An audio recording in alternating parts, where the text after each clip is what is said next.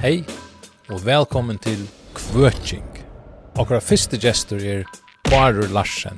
Barur er løgfrøyngur og adjunktur av frøskapasjesen. Barur har arbeidt vi stjøtnaskipene i levende mitt anna, og vi hadde et ser avhavsprat om myndeløkker, hver høymild til myndeløkken, og hver kommer høymild til fra. Kan myndeløkken bare avtakke at du er ratten og æsten tatt er rattendyr som du har haft, så gjerne Og er en statsrena til ganske. I min sorg snakka vi om. og akkurat det som fyrsta hadde den tekniska troblaka som i vannet dit ber i vi vi.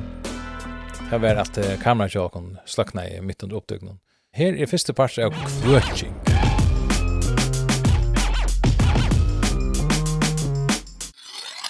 Jeg husker jeg kanskje jeg bare kan fortelle dere først, jeg synes om seg selv bare, bakgrunnen og hva den gjør, hva den fast vi og ja. forskjellig såret.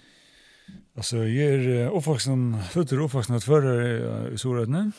Och så är jag från Danmark och läste det jag var tullig i Tjonon, läste Luxury. Och sen har vi kom jag efter till förra i, i Tveitsson. Och arbetade i Tinkanes i två, tre år. Och arbeidde så igjen i kommunsamskipene som det kalles da, og som sett ned fikk navnet kommunefeleie, det er nødja, stora kommunefeleie arbeid her i 8-20 år. Ja. Og siden har vi ble knyttet til speklen i Afroskavarskjelsen og rungt her at jeg og Kari Rokkvusale var altså vel, eller kjentes nærifra. Så ble vi starsetter her fast som adjunktor og sett ned nå nå i det er ble en lektar innenfor Luxury. Og er så har vi leier for det oppbrukersene som har haft noen år og som, som nå nylig kom på beinene som en, en fotfemmere klassisk oppbyggving. Akkurat. Ja. Det er det som jeg gjør faktisk, og ja, eller. Ja. Du var nok snakk om å være i uh, Sjetnarskipan, var det vært sykt, ja? Jo, jo. Ja, det, det var som Karas projekt som vi har bedrivit nu i Bankamata. Ja. Ja, det er så fast att det borster nu hadde jeg, men uh, det var kanskje nok så, det var uh, synes jeg, en sånn intellektuell uh, vandring, eller så, det var något spennende på den måten, mm. männande på den måten. Ja. Det er selv om ganske, det är inte allt vad lugga la praktiskt så så hade man faktiskt synder av av på brochure. Ja. Ja. Ja, jeg halte det är till en grund att jag vil komma. Ja. Tror jag att eh alltså för mig hej det här projektet också när att se på annat att uh, man blev uh, grøyer i några timmar filosofiska principen att när vi lånar eller så. Ja, ja, ja. Hva det hva det grunda vi det bitcher och det er vidt folk och alt det. Ja. Att det ting som gänga förut för lånar för känns år som de snackar om och runda Luisa och typ projekten som är helt väl intressant. Så det är ölen viktigt för ett land att göra. Ja, det det halt ju alltså jag tänkte sen just intention själv alltså en en uh, hawaiianare som heter Brian Tamana han säger en grejen en för om att om om människor land att det här var inte annat alternativ än att ta rått emot rättarskipan som hon levererar till det till det. Det det det enaste vågen och chatta om att släppa undan så korruptionen och de inte bjöd dem in till att reflektera för djupt i vår mål vi som lovar värsken och så vill jag så är krukshararna bara få en licens till att underminera mm. eh, rätta principer helst en halda sig till det ja. ja. Och så var så typ på några måte eh förr det at at du har vilja lut at debatt om kvad alt reis egentlig om og nei halt og ting som kan vinch angstana fra. Og det kan fungera ta i stutt og og og kontekster angan tutning her. Det kan det fungera noe så godt, men men där man er picka picka ut samfla så vill kontexten man kan ha stor tutning. Akkurat. Och ta kan det vara också befriande att släppa in i en att rum till till till Eh vi gick åt det grundläggande principer som akkurat kallar det. Ja. Grundläggande atlet. Nämligen. Du har haft eh skriva några gröna och du är av tur undervist också. jag tog ett fack och assessorna för som du underviste. Ja, jag var fast was in i i det var det så man rätt det där. Så hejna, men skorna. Jo, passar. Ja. Ja, det var öliga lullut sällskap. Ja, absolut. Du och Erik Biskust, var han kär? Jo, Svan Jandarsson, ja, ja, Olevik. Ja. Ulrik är Ja, ja. Ja, ja. Jag vill vara. Ja. Ja, så lite. Ja, ja. Det var ösnen när vi då det snur som andra att och det för ösnen ner om och åter om. Ja, ja. Jag stängs inte kvar kvar komma sig hotusna från andra att det och såna kan. Och jag lägger mest ofta att du tåsar om lov och skriva grönar eller uttal på för skälla matar så hev du en en djupa fätan att du så är en en filosofisk vinkel ofta. Ja Ja, det har jag jag har mer än bara luxury eller så eller mer luxury filosofisk kan man kalla det kan man säga det. Jo ja, jag har jag rör jag har att en en djupare perspektiv på extension till till det har jag bara luxury i galdan för det det ska det ska man väl ha en för en kvar profession en kvar disciplin så som man egentligen vad kan man snacka om. Ja. Så det har alltid man, man alltså vi hade helst man kan som du säger att det perspektiv vi tar tar människor London alltså det alltså ett samhälle som kanske kämpar vi överhuvud att komma in i den civiliserade parten av hemmen. Då kan man ganska säga, jag tycker inte klar än, så, men, men, men jag hade en stor spårning om, om man överhuvud kan huxa så där. Det, då, då visste du, uh, alltså, jag tar som så ofta, det fall det det undervisning som krever av særsen. Her røyner ikke samt att integrera eh filosofisk eller teoretisk skai praktisk skai. Du visst du lømmes begynner att lära praktisk skai uh, i langa tog i fyrstene, och så ändå introducera introdusere hotalagsfag och och perspektivering, så, så fyrir kommer det folk ikke fremmant at de har internaliseret en oreflektiv hoksnarhatt eller måte å ganga til tingene på. Nemlig. Så det må være samtidig på en eller annen måte. Ja, det er bare teknisk. Ja. Og, og, og til så kan man jo, som du kan vet, altså, til vaksa folk som alltid prater filosofere, altså man kan ikke være for å komme i gang for tullet ved filosofera. Ja. ja. Det får jeg meg sint inn av temaet som jeg husker kom inn av. Ja. Jeg husker etter podcast her, jeg sint som, jeg tror jo unnøkker sånn grunnleggende ting til at, jeg vet ikke om jeg kan si, så er det i samband med det er jeg skal som vi har haft, Och i cirka 2-3 år var det, eller i 2 år kanske var det da. Mm -hmm. um, og jeg vet ikke, jeg halte at jeg er ikke traumatiserer, at jeg hadde var ikke kommet i det enn. Mm -hmm. Og en par steder, jeg, jeg føler en trång til å snakke om det og vidtje det, eller så, sånn. Komme nyr og i dyptene, skilje det. Og, eh, og en par steder, det var hette her at uh, fra det til dags, så blir eh, det som vi tar helt til å være i ratten der godgiven etla människa given etla Onkur snakkar ofta om ratten der tei koma i kraft av der mennesker, onkur sier til det koma fra god og så er det. Eh, og knappelig enn 12. mars i 20, og nu blir alt det eh, kvarstadleviks, og knappelig enn første bæra diktat om man fra i fyrjon, ikkje så egoslig diktat som jeg er senere. Är såna kom politi efter det var du ju akta. Så och var det mer social kontroll men alla var var land jag syns i Euros nu. Och att här vi att jag sa ting som att hade brytläpp ettla för kyrkjo. Mm. Ritualer som är nog äldre än en lower samfälle i kyrkorna.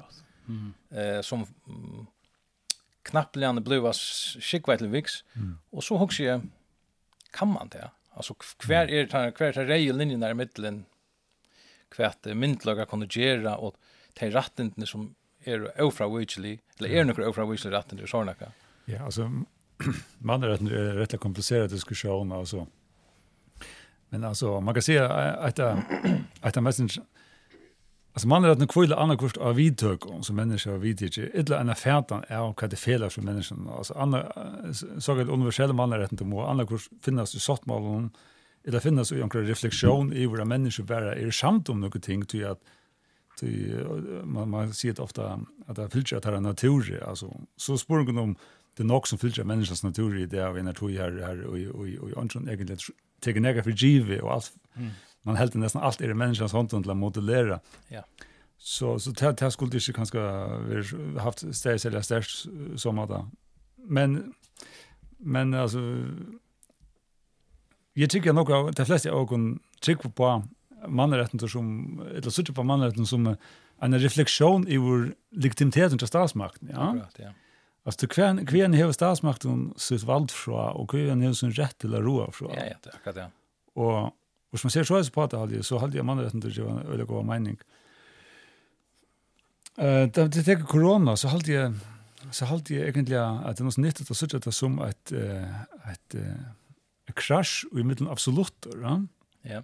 Akkurat som man er til at til at det er noe, hva skal man si, det private rommet at det er for helt, helt nye her, og trønner det sammen, og Eh, så vi inte på så mycket privata man kan sätta spårna till vi om statsmakten när kan legitimitet att komma in här. Ja, akkurat. Eh, men hen vi ju eh hen vi ju så framgång där är snarare någon man rätt där själv att att man rätt inte absolut det är relativt att han att att det är det är virus som pekar mot att han vi accepterar rätt till Jag vill fri och rättla se vad du vill, du rättla det som du vill, hvis du inte gör det innan rätten, din till öron och Och det vill ju en rätten till öron att det viktigaste vet hur kunde vara hälsan till öron. Ja, yeah. Så man kan se på en eller annan måte hur statsmakten en rätt till att uh, att uh, att truncha till in the longer longer in the private room hvis hon ska vara tag och ha malen till resten av samhället och i att uh, inte bok under fällskap är onkrar uh, vem sjuk ja. Ja. Så man kommer att det kraschar med absolut men det som jag sagt nu i coronahanteringen är det at uh, at dette snakkar om disse her indriv, indriv i privata rum, det skulle alltid rettvistgjeras på en måte. Proportionalitet. Pro ja, det er det jeg mener vi. Altså, jeg halde man har hørt øyla lute til året proportionalitet ja. og proportionalitetsprinsip uges nere. Ja, ja. absolutt. Alt. Og hvis du fører leit etter ettermedringen av landstyrene av koronahåndteringene, så finner du bare året rett inn til noen helt få at den nevnt, eisen ut av meg selv, og over høyre, til forskjellige høyresmyndlagene her. Og det er sånne ting som starsfolk har rett inn til. Det er rett som kommer til arbeid, sånn at det Men grunnen er at det man har rett inn så det er mer, det har vært nesten ikke nevnt, og særlig når vi professionalitetsprinsippen vi ikke nevnt. Hvis du tenker det professionaliteten nå, da, Eh mars man i Tvetsson vet du stå 12 mars. 12 mars. Det är 18 att man man lanserar sig innskrivne. Og man, man sier fra landet så gjør at det var tilmeldet, det var så vindende. Ja. Det halde er et, en fortelling som er øyelig iva som av forskjellige grunner. Men iva som har tog grunn for det første at da borgaren hikker opp til landsens uh, kostne, så tar ikke borgaren ikke, da kommer vi, vi da agerer som iva, så tar ikke borgaren ikke, om det nå er tilmeldet eller nå er en lov. Det er han instanser som hever heime til å skapa a større samfunn med lov sier okkur, så, han, så, så halde ikke borgeren til en skyldne her i middelen. Lange her har paketan til mer løsning av at man sier at landet er størst ved tilmelden. Ja. Men, det har, men man har for eisen av at han måtte at uh, at foreldre kunne jo ikke åpne skolen der og badnakarene der, og, og det var jo stångt, ja. ja. Grundløse tilmelden. Ja. Så, så det har jeg hatt noe som Iva som forteller, ja. Men, Særlig i... Uh i, i mån till eh, skolor och allmän alltså ja. kommunal och allmän stö ja. viska och tillmälande kanske mer som låg till att ja. en skola så kunde inte färra ut och nej bröta tillmälande så blev det Tever, jag vet inte vad det hände. Det är ju halt. Nej, det är ju halt. Och, och, och, som ser det från föräldrarna eller, eller barnarnas perspektiv så, så, så är det en realitet och jag att det till med. Kan man, kan man säga att uh, för myndelagene var det sindre en sånn win-win at det var til med alle ikke lov. Altså, hvis nu vi hadde, hvis man uimender hva sier, vi hadde noen grunnlov fargjene, og vi hadde noen retten som stod en papiret som var vi tidsen demokratisk og sånt. Og den eneste maten som, som staten kunne føre ut, er marska frelsen, ikke var vi loven. Så kunne man føre retten, vet du. Men det att det angår kom upp att det stöj så Förstilla det men hur en grundlag. Jag vill ha sånt. om om om om nu är om det är akra som också som jag vill haft om vär så är det en grundlag. Ja, tack för det är viktig rättning men men på på enge är jag visst nu det var att en som Martin som som ju vad den kunde det är marskakar för så var vi lån så kunde man för rätten vet du. Man kan inte för rätten till tillmäl. Nej då, det kan man inte. Så det är ordentligt smart så det Ja, och det är så smart på att han maten att det grischas stora arbete helt det. Mm. Det är lov att ska för och fyra akkurat och tycka sig att allt det polera väl och alla konsekvenser och gränningar är händer. Ja. Så så på en måte mera totalitet på en tantone tantone fyra sidor som inte vill kom vill släppa rätt och kan så bara finna på att regulera vi tillmälen och mm. och och och akkurat som eh, fira till eller sånt eller eller rosa ser att det Ja, det verkar ja. som om att, att man har ofta fortalt det där alltså sövna från lands och suje. Ja, alltså tinge positiva söv. En kritik från eh Tinchen eller från Högne Höjdal nämnde det. Jag har någon annan säga då ösni att tinge blev ju inte drie så här vi och det är. Vi kör gång i eftermätningen med den där och funnit någon här ta den i eftermätningen till landet blev lagt fram. Ja. Ta nämnde Högne till att att tinge var nästan släckt vid det var bypass ja. Och det är ganska akkurat samma eller av som grund till det är tillmäler så är det nej att färja jöknon juridiska processerna och ja ja ja den där stod vi även som glömt jag att de crash likt i teatern ja ja att det är utanande valde som större men så finns det en tradition för att utanande valde större i nästue och och och till kanske inte man ser Adverteter blir ofta betraktet som några kjoanar eller låt hotag, men, men adverteter är nog en nej ting. Vi hör kunna ha en struktur, att hierarki, en samhälle som må, må anker ha autoritet. Ja det er mer interessant at det er til hver inntekker autoritetsposisjonene og vi, vi, vi akkur en grunnleie, akkur sånn. Hver, hver inntekker uh, posisjonene som eksperter, altså man snakker ofte ja, om amerikanskar eller engstar, enskmalta heim, nå snakker man ofte om uh, semi, eller, eller konsensus og the scientific community, ja? Ja. Hver, altså, hva konstituerer semje og gjennom vysendelig samfunn som er det som man handler fra, hvordan nok skulle det være, hvordan fag kunne det være, og hva er det? Til eisen til som gjør kanskje at akkurat samfunnet er annerledes, og, og, og det hadde nøyet at man fyllte noen autoriteter, men det fyllte jo ikke man heier en debatt om sånne middelråkninger som hvordan man finner autoriteter. Nei. Men det som jeg skulle si, jo, Arne, er jeg mistet borster. Arne, det Arne, ja. Nei, det har jeg aldri selv mistet borster, at... Ja, det er professionaliteten, og i marsmålen at det er, det er for gong. Så alltså danskar hade ju vår var säljan det ska ju inte det vi retten til å ha för smått om balkon och och sjukon och och öron säljan nog men men uh, det var lösen elegantare i sommerføren, alltså til långt danska kyrkan det var jära för alltså det känner att det är från antiken är där att som rosing att inte bara jära kunna bara jära och efter efter en efter en en sige som en sib ikke från på när göra för. Det var något som var struv naturrätt om apropå mannarätten tror jag så naturrätten det heter Eta sferan som, som stadron og valsar, verslige stasar slash av uh, valsar er slett i rørs og lødle for det nå. Ikke gjørs, ikke, ja. Så, så vi snackar om krasjmennel absolut det ska vara en virkelig en, en ölle hotande sjuka som, som, som ger det. Ja. Och Men därför för då danska kyrkan införde eh ett avståndskriterium. Ja. Det vill att det kunde vara anpassat avstånd vara med folk kunde tala att de skulle göra för det stort att men det för kyrkan införde ett talkriterium.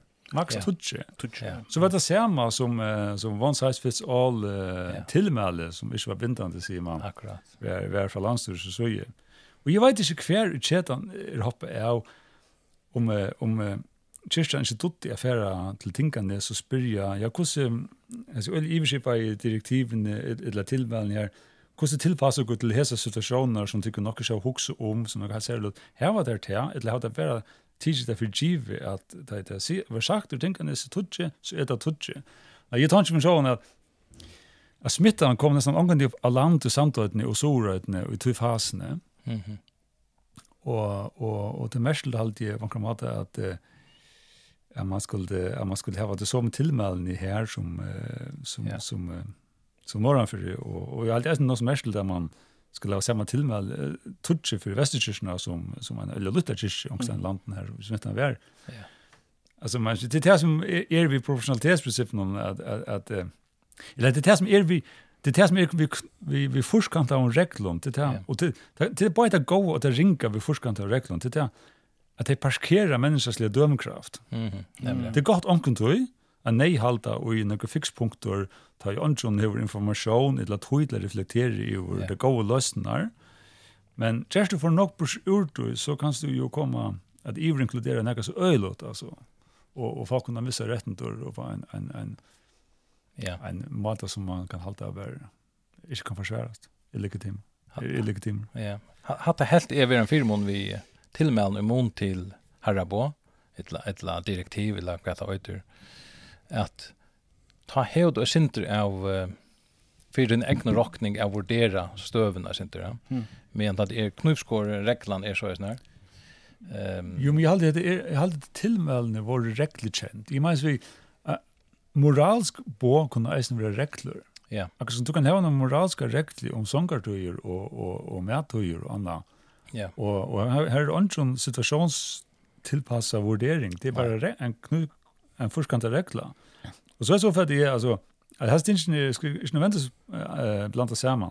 Jeg mener at tilmeldene fra landene var øyelig regler kjent. Ja. Helt inn ja. en, en standard eller situasjonstilpasset. Ja, passer. Landet det vi kyrkjer vi kyrkjer nå. Men hvordan er det i fire fasene?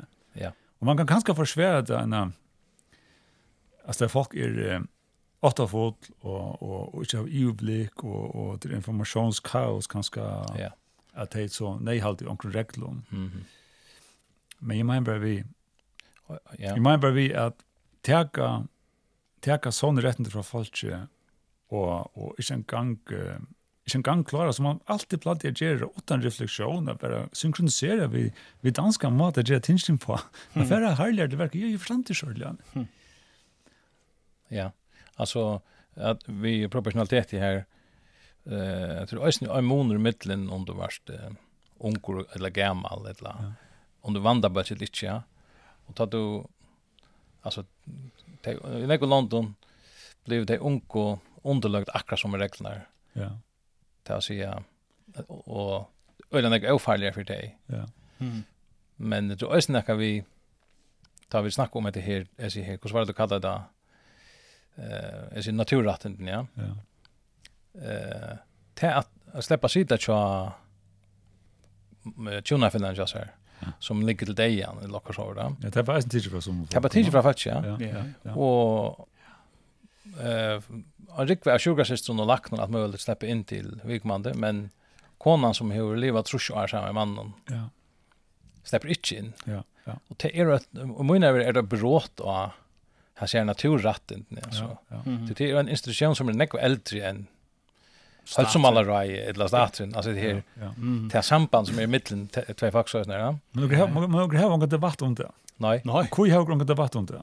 Alltså man har ju ofta sagt ja att uh, föringar har arva folkare och har inte kämpa för det. Akkurat. Och jag vet inte det är en sån en sån gratis slogan att komma vid liksom men men kanske det är något om det. Att det är ju kanske granskning som visar det Og, og man kan analysera ganska till jag skriver en syndrom till en greinkorsan, att att det fall analysera eh, från individ individet til samfunnet, ja? men det er alltså granskning som en klassisk granskning eller det er en klassisk litteratur om uppbygging uppbygging vad det är alltså utbygging av hans litteraturer, som sier at här att det är inte som eitör eh lättkäft eh lättkäft lärdomar ja du måste struja du måste du måste kjempa vi, vi tankar og ideer som du ikke skiler, og ta ut og så femmar av fettler, så hvert han dupte av fettene, så sier det. Ja? Akkurat. Mm. Du vet, det er bedre å lese løyte og lese det djupt og perspektivere det og dri implikasjoner ut enn å lese noe. Jeg leser ganske hele tiden i vurdere. Men det er en litteratur som viser at det er samme galtan for samfunnet. Hvis du ikke hever en Hvis du ikke, hvis du ikke diskuterer grunnleggende premissene for institusjoner og til skipene, til grunnleggende de hever, så hevur samfunnet ikke noe ordentlig fætan av oss nere. Så, er det, så, så, så, så, så, så skrøver det bare overflaten av noen ting som noen andre hevur kjempet for. Ja. ja. Og, og er det her som er gale, som, er det her som gjør til at du kan ha debatt om eh, rett, retten til fratøkker til at jeg var en til at jeg var en til at jeg var en til at Og kanskje eisne foreldre og omsorgene omsorgene i uttrykkene bøttene som ikke slapp ved uh, som ikke slapp ved vidtja deg og, og, og samver rett som betyr som fra dem om tog at uh, anker administrator av en løren nivåje som ikke selger en transparent og fra noen middelråkningen som ikke selger en uh, diskuterer her sier så ja. mm. og så vi er så vi er ja. det var øyne nok av oss her og i, i koronatøyene og Och tog jeg alltid det märslut på en måte. eller kan kanske inte är märslut, det vet jeg ikke, Men, men det ser ikke ut til at det er best diskuterat to, og det här känns bara ett medel. Nej. Så det är, det är mycket innanför, det er ikke innenfor uh, horisonten tror jag att här som... Det verkar, det verkar som at i förrjun så så finner folk det er lukar som gjør, det gjør det fri ut eller rättligt kött. Eller alltså av folk. ok, det er det som vi gjør. Ja. Uh, men men det är ju så att att det är en checknick är där runt i världen. Vad ska man mena? Alltså ja. Milan är i förrjun men alla är sen i östen. Jo. Ja, vi är nog så vi på. Det kan kalla det autoritära ja. tendensen eller så att säga. Ja, ja, ja. Det har vi då sett för när man inte tog hinner det existerar. Kan man se det? Jo, jo at uh, at ta chatchi og mangla men ikki bæði okkum. Han gaf ver at at i førjun hetta veri en sån Lucas sal í okkum her sum ta kanska ver meira autoritärt ärstan ja, så ja, ja. big oh, ja. tech och och ja, ja. och staten sam lika som uh, samstar och sådär. Men kan det vara att den först staten faktiskt går ju offra uh, sociala kontroll i den lilla hon gren samfälla att ja att jag har ska passa att jag kan släcka släcka sin av fast stas stas eh hur ska man säga ampo. Ja, nämligen det var snäjt att blåa lika som att attacka där tunko och grenar fram och så men men men vad helt eh men Etter med det kan jeg sånn her, si at jeg at føringen, føringen var veldig glad for, for håndteringen av korona. Ja, ja. Men, men altså, eh, hvordan var det, jeg tar ikke meg sånn. Hittil har visst at... at jo, men jeg forstår sånn, hvordan, hvordan var det at Ja. Eh, var, føringene, var det veldig glede for det, et eller uttrykk for det, det råa läsa människa mm. som ju bara som bara fäller knä för auktoritet. Mhm. Mm ja. Och yeah. vet du hur utelin får inte lätt eh, som du säger man kommer också shot ju att mörja. Ja. Att lätt bara auktoriteten roa. Ja. Yeah. Och kan kan också göra. Ja, akkurat. Och det är uttryck för att man tycker om det grön eh och och och man är som Ja, det är det bara... Lars stämplar näka, ett litet uttryck för oss Ja, är det ganska resignation eller också. Ja, ja, ja. Eller apati eller... Ja, ja. Ja, vi hade ju ösnet ganska manglen på ett meeting handlar om att oh, kom bara vi är. Jag har sjukt smattat mer. Ja, det är bra. Jag hade ölen mig för jag hade på damat. Ja. Blue is vi och något tas man där. Ja, ja. Det färre. Jag tror inte också om det. Och ett som är ölen sant i ettermätningen som onkel visste mer och som är i undersköld någon här. Eller höringskriven någon. I mind där från Luckman skrivstunden själva. Att ehm Det var det från landslagene, minns inte, men lugga mig inte. Det var vi att här stod at eh Så lunge folk var benchen. Och det uppfattar av virusen som man har höttan. Så akta det väl. Mm. Men ta i omikron kom och att blev smitta och faktiskt så hej det är inte i alla fall. Så började det akta värre. Mm. Och så stendur det i sig här har en skriven att det är ett uttryck för att uh, kanskje skulle vi göra en rammelov så vi har möjlighet att bruka jeg minns akkurat kostar året men i skilta så, så vi det var möjliga att bruka herra på, mm. hellre än tillmälen är för. Mm. Och mina är det en, en öjla grunden känner månader och att det tillmälen är och diktatorisk kunde det gått vara. Så är det att folk akta så väl och det så sig alla kontroller öjla störst. Men det är en månader hvis du får ut och sätter i en bank och grannen irriteras när det eller att politiet kommer efter där och gör det bot. Akkurat. Mm. Det är nog också grunden känner månader. Oj, oj, oj. Det är ju möjliga att det är tolkningar fralsigt alltså att det är tillmälen, ja. Ja, men vi har nämligen och ta ta kom till där i sätta fasen i omkrom, va? Ja. Som du säger, ja. Men men nu akkurat som min tultringar när hemma är det till fyra fasen att ha i flock och för detta som att det vara vandamål. Ja, nämligen. Men är är uppfattar öliga problematiskt att här vi tror att i England i hemman till att här hej då ett li av salarfrängon heter nudge unit eller vad det heter. Oh, ja. Som arbetar för statsmyndigheterna att spuska bådskapen till så snart det blir benchen. No? Och det ser man i Danmark. Ja. Mm. Alltså eh, en bevisst politiker att få folk benchen fyra för att akta. Ja, ja. Och jag syns inte den samma tankegång den och jag sån här ehm från lagmanskrivstolen i halvtid av er att eh till fyra månader för Akmens fack är benchen det så akta dig. Mm. Och det är en öle odemokratisk uh, huxan i min nerver alltså. Och i mån till att vi øye at opplysa folk, og okkara oppgave som myndelager er at uh, at det er en jaun vi opplysning folk få, særlig opplysning, og det er rolig og så videre, ja. Altså, skal jeg skilje det så så si at en myndelagen her er som et innbyggt incitament og at jeg fordreier verileggen fyrir for folk akta. Alltså så var det synd du hva du hva du hva du hva du Hur skulle jag akta? Ja. Eh Jag hade trubbel i England til dem så här du hej att Lia Salafring som arbetade vi akadas nära så. Och bløyene och och sjønvars på allt det her, Köra som eller. Mm. takk undervisning och köra att det är en real så fuck är pura alldeles förskräckt. Och melta grannan och och i Danmark var Östern extra dömer alltså att dömer minst läs jag blä att Det var jo, det var ikke lov sammen som var en fem folk da, det var det seks folk. Så var det nekker som var ferner og en av spil i høyt, a spela bridge eller sjaus eller så vidt.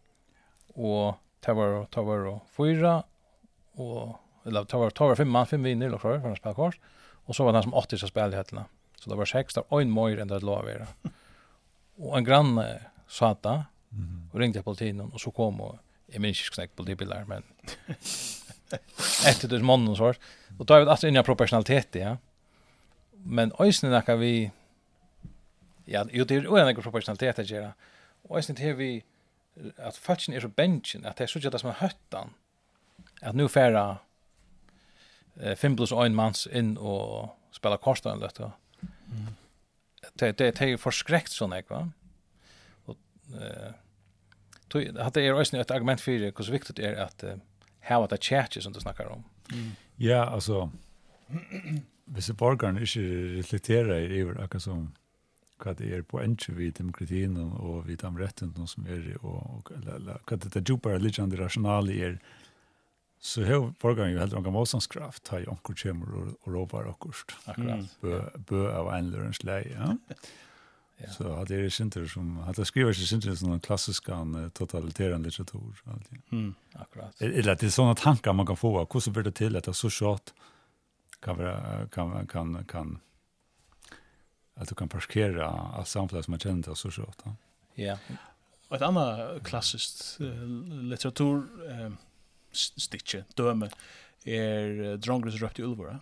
Helt inte på ankra mata att folk eller jag jag tog prata om det ja nu ända en om om vaccination. Mm. Så vid fem år sedan så var det nöcker i förrjun som sa att det är vi bara kroppssättning. Ja. Eh och att luxa eller mer låt när vart helt där vara vara klicka och lagt ut i filet så är. Men han bulkna folk i vuxen neck. Ja. Eh och det det ser man något sen just utan att det skriver om att jag heter största backaste fyra vuxna shown kampanjer i länka länka till till fucka mist all it ja. Och myndlagarna att du tar sig om om semjena medelvisna folk och så ja. Att det kan også være å slå en rettforskjering for at, at eskalere til mer totalitære. Ja, ja. Vi får ikke just fuck lukka bensin neste fyr. Nei. Akkurat. Tui at, jeg vet ikke, det var tjøknet at det var ikke så kall. Eller som jeg sa, altså, eller er, jeg halde jeg, jeg har mist allit, ja. Jeg har myndløyk noen, bæg staten, men også mil noen, og vysen, lakna vysen, det så vi er, ja. Det er også nok så. Det er en en en vinkel på det. Ja, og det er nok så farligt för samhället att ha ungen tror på näkan eller akra. Ta är en autoritet det du snackar om, ja. Tog er det eh eller farligt att göra sånt. Ja. Tar bara professorn som var vilda skriva eh vad den heter den här Evolution Great Barrington Declaration. Oh, ja. Jay Bhattacharya från Stanford och eh Martin Kulldorff från Harvard. Tar skötte nämligen tar man börja i ett här av nya folk i coronapassen och försäljningsåret att det att vaccinera sig. Så minns det att Martin Kulldorff säger att detta verður det rinkaste bakkastet fyrir mm hin vaccinprogrammet tar var för nya för. Och han brukte svär han är svenska, han brukte svär så dömer sig att svensk svär hade inte eh och det det samma för det är frivilligt om det tar vacciner. Och jag London är där tvunche but the school då för det är skola och så där. Ja, men här är det näck lackre ehm undertöka för vaccinen än här som det frukt. Mm. Så i Norrland och Lund som det är frukt här var folk aldrig använt lag någon att tar upplysningar och vi får rymliga upplysningar om det här och vi talda vi stål på det, så vi talda det sikt. Men då det första nya folk, yeah. så blev det skeptiska. Mm. Så han avvärde om att hetta för vara backast. Och intressant vi vi honom och tog er eh, det var inte så stora höjringarna som vi är nu om, i samband med Twitter files. Okej. Okay. Så kör det. Nej. Här var en en dama i i kongressen här och en höjring här. Här var några stora i Twitter. Mhm. Och hon spyr nemliga hvor hur ju tycker høymild att till att det var ett uh, tweet från minns det var Batachari eller Koldorf här som han sier nekka han professor i epidemiologi og jo Josh det programmet som de brukar ha ett lit vi tjaaren og så videre en stor autoriteter ja. Han säger att uh, det är inte nøyt att vaccinera de som har haft sjukna, de har naturlig immunitet, och böden och sådana. Och han säger att uh, lugga så bytte är att ikke vaksinere näkran, lugga så bytte är det att vaccinera öll också. Mm. sier han i en tweet. Han säger att fackliga vurdering, yeah. som, ja. Och det här blir færre så spjalter av seg från Twitter att uh, detta är i tror vi uh, det som WHO sier, eller mm. Det är minst det fikk falsk kunningar label det Men här sitter alltså onker, i Twitter som ikke har nærka lagt ned utbygging, mm. kanskje en av samskiftesutbygging i bästa fall, eller budskaper eller annet, og sensurerer faglige meninger så en Harvard-professor, og røyna, og, og skapar en, en falskan konsensus, visnaliga konsensus, at vi får inntrykk av at alle visna menn er samt om at öll skulle koppsuttas lukka miskvæt, men det er ikke konsensus, tog at tar som tar som møter bliva trusste nyer og få av seg, mm -hmm og det er så øyelig og letjende for det. Det rikker så langt som ungen finner til halte, ja. Ja, jeg vil si at, at Twitter faktisk er vurst ordentlig vel til. Ja. Hva Jack Fyrer sier, at han fyrer Løykjølten eller så. Ja. Mm -hmm. Så om vi førjen bruker vi skrannig Twitter, men, men til reelle større avskan, særlig i Amerika. Ja, og Facebook er akkurat det samme. Ja, Facebook er det samme, ja. Jeg har alle opplevd det der, altså, alt mulig blev. Ja, ja. Det markerer som, som falskundning, mm -hmm. alt det, ja. Ja. Det är ja ja, det är underminerar så jag stända. Ja, underminerar alltså. Ja. Så till ändan är ingen autoritet rätt, ja. Mm. Autoritet ska äsna rättfärdigas, han ska äsna legitimitet alltså. Det er det som er. Ta ta ta kejsaren i nætjen, så akta du ikke lika vel, ja? Nej. Nej, det bör att. Ja. Men uh, eh är inte stor at uh, ta hvis vi ikke vill dette her, är. Vi inte om det som vi gjør nå og, og problematisera det. Hva er händer som neste for en munte appkapar kommer det kan vara fågla influensa kommer etla. Etla her vi som du där byrjar på i England, det var ikke du minns det vi. Det er är Weverlax. Så møtt med nu var det Cambridge eller var det Oxford. Oh. Tar Jera sig här eh 15 15 minutes cities. Jag har sett här. Jag körde finns vilka det är. Ja, det går ut på at du skal ha till bøyde bøyene oppe i soner, og så skal du ikke släppa långt än uh, det som är 15 minutter av färdas du. Du är hellre her, slipper bare bara tvärfna vikene, eller så kör vikna lockar. Det var släppa lockdown mm. för väverläge. Okej. Okay. Och ehm det till något snack som vill ha sig här uh, som var öle glad för lockdowns eller nyläsningarna. Tror det har gått för väverläge. Akkurat. Och det är som som argumenterar för vi må ha nyläsningar för väverläge. Så visst nu vi spelar till att WHO säger till att vi har en en vevlaxkrepp och hon är allvarligare än coronakrepan. Och nu släppte du ju att uh, kvar bil långt eller släppte ju grilla eller mm. släpper ju brusmorgon när vi ignade eller kan man sig kan man sig skoa hat när hatar inne i hemsmalen eller vad? Ja, det dömes ja. Men vad gör det? Hur är några värjo?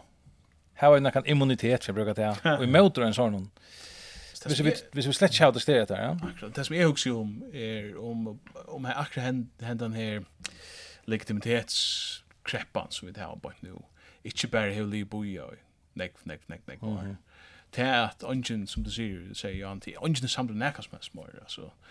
Uh, at det er ungen semje om hva det gaua er, ungen semje om nekka nekka møyning om man fyrir uh, det som vi genga og hugsa sjálv og så framvegis at alt her er sintra utan jag bäger lukka som Uh, så är vi hugsa om öst så är vi bara lever och altså, du vet, kanskje vi kommer att följa oss samman också men det men det tvärst fuckar litt til felix and the fire near with a sintra okay men men när det går det kom nek långt Men det hadde grejen syndra okej, det det har tolka som att og och rätt på att. Ja, ja, ja. Fram och skulle fram mot syndran så där så der, ja. Men tror jag kvärt ska så hålla oss samman. Så er bara starten efter. Det är inte annat än individens statsen då. Så måste du uppskalera statsens myndlaga. Ja. Tillsvärande, ja, som jag vet inte vad man kallar det civila uh, syndrast så må staten komma in vi vi synon ja. Ja jag syn lowen och och ringa så för eller senast ända så en vapen och så är ja. Ja ja motstå för jag faktiskt nog fera ja till er alltså familjen är såna önter mm. som konstanta möter ja. og samkommer og sånne fellesskaper for sin. Ja. Jeg les i det, eller jar, anker ta seg om at fellesskaper som ikke har i alkohol å gjøre, oh, ja. er, eksisterer nesten ikke, hvis du ikke er religiøs eller også fyrfalt. Okay, ja. Lykke å utrette fellesskaper. Ja, og utrette er her. Ja. Uh, men sånne ting som, jeg vet ikke, altså, låsjer og... Yeah sån fällskap som fuck här män och kvinnor samlas då vet. För hålla samman och i bygdene, eller det det det sånn det vanlust som som en mysk forsk sånt där. Ja, ja, akkurat. Ja. Så jeg har hatt haskat rasistiskt og så här så här ja.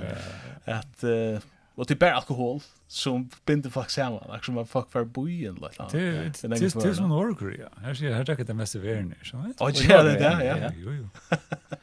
Det finner jag göra meningen inne inne på det. Jag minns Ja, jag minns jeg hørte en søv om det var flokker i Eton eller et eller annet, Det var anker onkel närmare i Eton som gjør Georgia Russian Society som det har i Bretland. Ja, rikva imska societies. Og det till Eton det var ikke han finnes skolen som er her, Så det enda vi at en av dem slapp å møte Putin. Så sier han, hva er du her?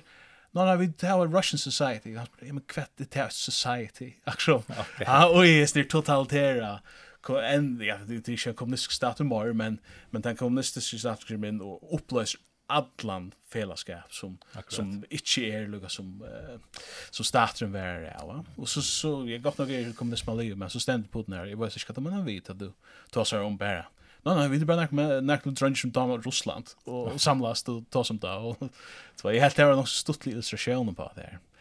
Att det är synder här vid det av till alltså. Du tar du bara individen och staten. Ja ja. Ja, det det tror vi nöjast oss när jag snackar om det här kvar kommer autoriteten fra. Mhm. Och Hvor er Amarskar hever han? Hvor er ameriskar hever han? Det er det som er, ja. Kan kan landslagna nokta mer att halda brillop och bjóa mun vinnan eller affär in ta pap med liksom sugar sugar snön lock short affär in och mm. vi tjänar så ja yeah. Jag hade inte att staten rattla, men det är ganska imiskt, men ta valda så en stöv när man rör, ja. Akkurat. Och att det mest groteska alltid, det var så så när man Danmark om hospisen ja, at du, at du slapp inn här, eller öliga amarska, og onker, onker valdes så slett inte Onkel Dodgande valde stekje tega mot noe av det nærmeste du det ville ikke gjøre mån av hvor det skulle levere, at det kunne være et lett fei. Ja. At det er mest groteska at man får en ekla Dodge. Ja. Ja, som man så var pura groteskar, altså. Og eisen det vi, at jeg slapp å sitte det avverende som var det i, for det ville sent, eller for sent, og og nok nok sånne ting som jeg gjør involverer alt det. Ja, det var sånne søver i fargen nesten, ja. Ja, ja. Ehm, ja, her var Det är snitt att anchen eller kvar är en nejbremsa eller att det är flaggor som kommer upp. Mm. Tror att alltså Örland för folk av motmäla och kasta kasta bensin på med politin och så. Mm. Det gör du typ bäst i förrjon. Men eh alltså eh tinche Jag vet inte om närkar sig, Jasper Langgaard kanske hej och en röv och en för sånt här som han uh, var sin kritisk och Hanna Jensen då hon satt in i den här sett några spårningar men kring men det var ölla lite av alltså tinge akta ju snö ölla näck ja. Landslagnan och fotan och det så här ja ja. kan det att marschera pandemi nej hade nämnt det här mhm. Du spyr kvært om man skal diskutera, eller, eller, Alltså jag hade som du sitter det vi autoritet. Man först diskutera myndelag autoritet. Här här var landsens myndelagar myndel, hava der formella myndelaga. Ja. Kunta krevja til det der. Mm -hmm. Hvis ikke hava formella myndelaga, hava der så fagliga myndelaga, som du sier, ja. landslagtene og, og avslagtene. Eisen det man diskuterer, altså, og grava arvesen deres nere, en sånn danskar eller, eller vestirlandskar uh, fortelling, som gjerne det liberale eller, eller vinstra vanggrunn, dyrkan og snakk, det uh, at, at um, vosendelige autoriteter nærmast heilaver. Ja, ja akkurat. Og den er Jesse Fair om hvordan vi du betonar han eisen kan være, og, og, og ofte viser det ikke eisen, ja, jeg viser folk er de som en kjent amerikaner som heter Adrian Vermeule sier at, at det er lykka forhold mellom inhabilitet og ekspertise. Jo mer du ekspert, jo mer til bøylig er du til å ha en smela dagsgrå som ikke spekler folksens uh, dagsgrå selv nok. Tror ikke måste du ha at folksle tjekke enda mer inn at du har å gjøre vid det hekste ekspertisen. Ja, godt poeng. Og Og og mangles interessen, og har sånn naiva fætan er hva det faglighet er, Og halte til at det som er, er visen til semje om i onkel stor og visen til onkel vi takkar bare kan nyerskaleres til en eller tvær usual suspects personer som er i okra konsensus in the scientific community. Det gänge ikke an att vara såna iver jeg. Mm. Så det är sånne ting man måste diskutera det sen då. Och visst kvinna man för fagligheten fra som som som var lukt lukt runt för någon ting som är öligen invaderande för privatlivet. Akkurat. Det är en sort ehm att annars har, jag minns inte hur sagt det, men det är om, jag minns det, jag läste i samband med ett Art Feidsens oblag han var, han var inte så stor som, man tror att alla tälterna är inne för att slakna och ja. det var kaos och allt sånt. Det var inte så ringt som man tror. Och så säger onkel det att, uh, att det är en sån uh, naturlig, mindre om att det är som du säger, kanske är det det samma bara, för det är sin tur, att tar som arbete, tar granskar som arbetar vid en problem, halta alltid att det här problemet är eh det största problemet i världen ja. Tar som får oss vi sån lei halda det är den största höttan med mannatten. Akkurat. Det som får oss vi välagsbrödningar halda det är den största höttan med världen. Och det som finkus vi virusen i helt det här största höttan med världen ja. Därför jävla kötta för uta proportion. Ja. Du må mata brynas vi örn känner mig nästan. Men så läser statistik att kvinnelaknar får oftar kejsarsnitt än vanliga koner. Okay. Ja, men det är inte samma. Yeah. Där kommer in till det gånger helt galet. Ja. Få en fätan av vandan som yeah. är faktiskt ska. Det är jävla farligt. Ja, jag bara ja. Ja. Så tar tar mynd av normal bullet någon är skajkla. Ja, akkurat. Det det det det det er sån arbete i exponera. Yes, ja. Ja. Mm. Så var det ett som han den här bogen som är har reklamerat sin fyra och Hinvin som heter Blind Vision, ja, Blindsight. Ja, Blindsight, ja. Kan det kan en Ehm Um, det er en bok vi 46 imenskun innlegg om om eh om eh alltså folk som var i anstå till nyläsningarna. Och det är bara visst det folk och tonläggare, lacknar och säkförare och filosofer allt möjligt. Ja. Tant dama som skrev att här hon säger nämligen att eh, en, en virus för en virus har alltid varit alla tøyer. Och hon kallar det för den människasliga familjen har livet vitt av en alltid och det är ett projekt som snurr sig om att nu man hettar det som vi som har utrotat här nu allt man offrast att vi allt är någon.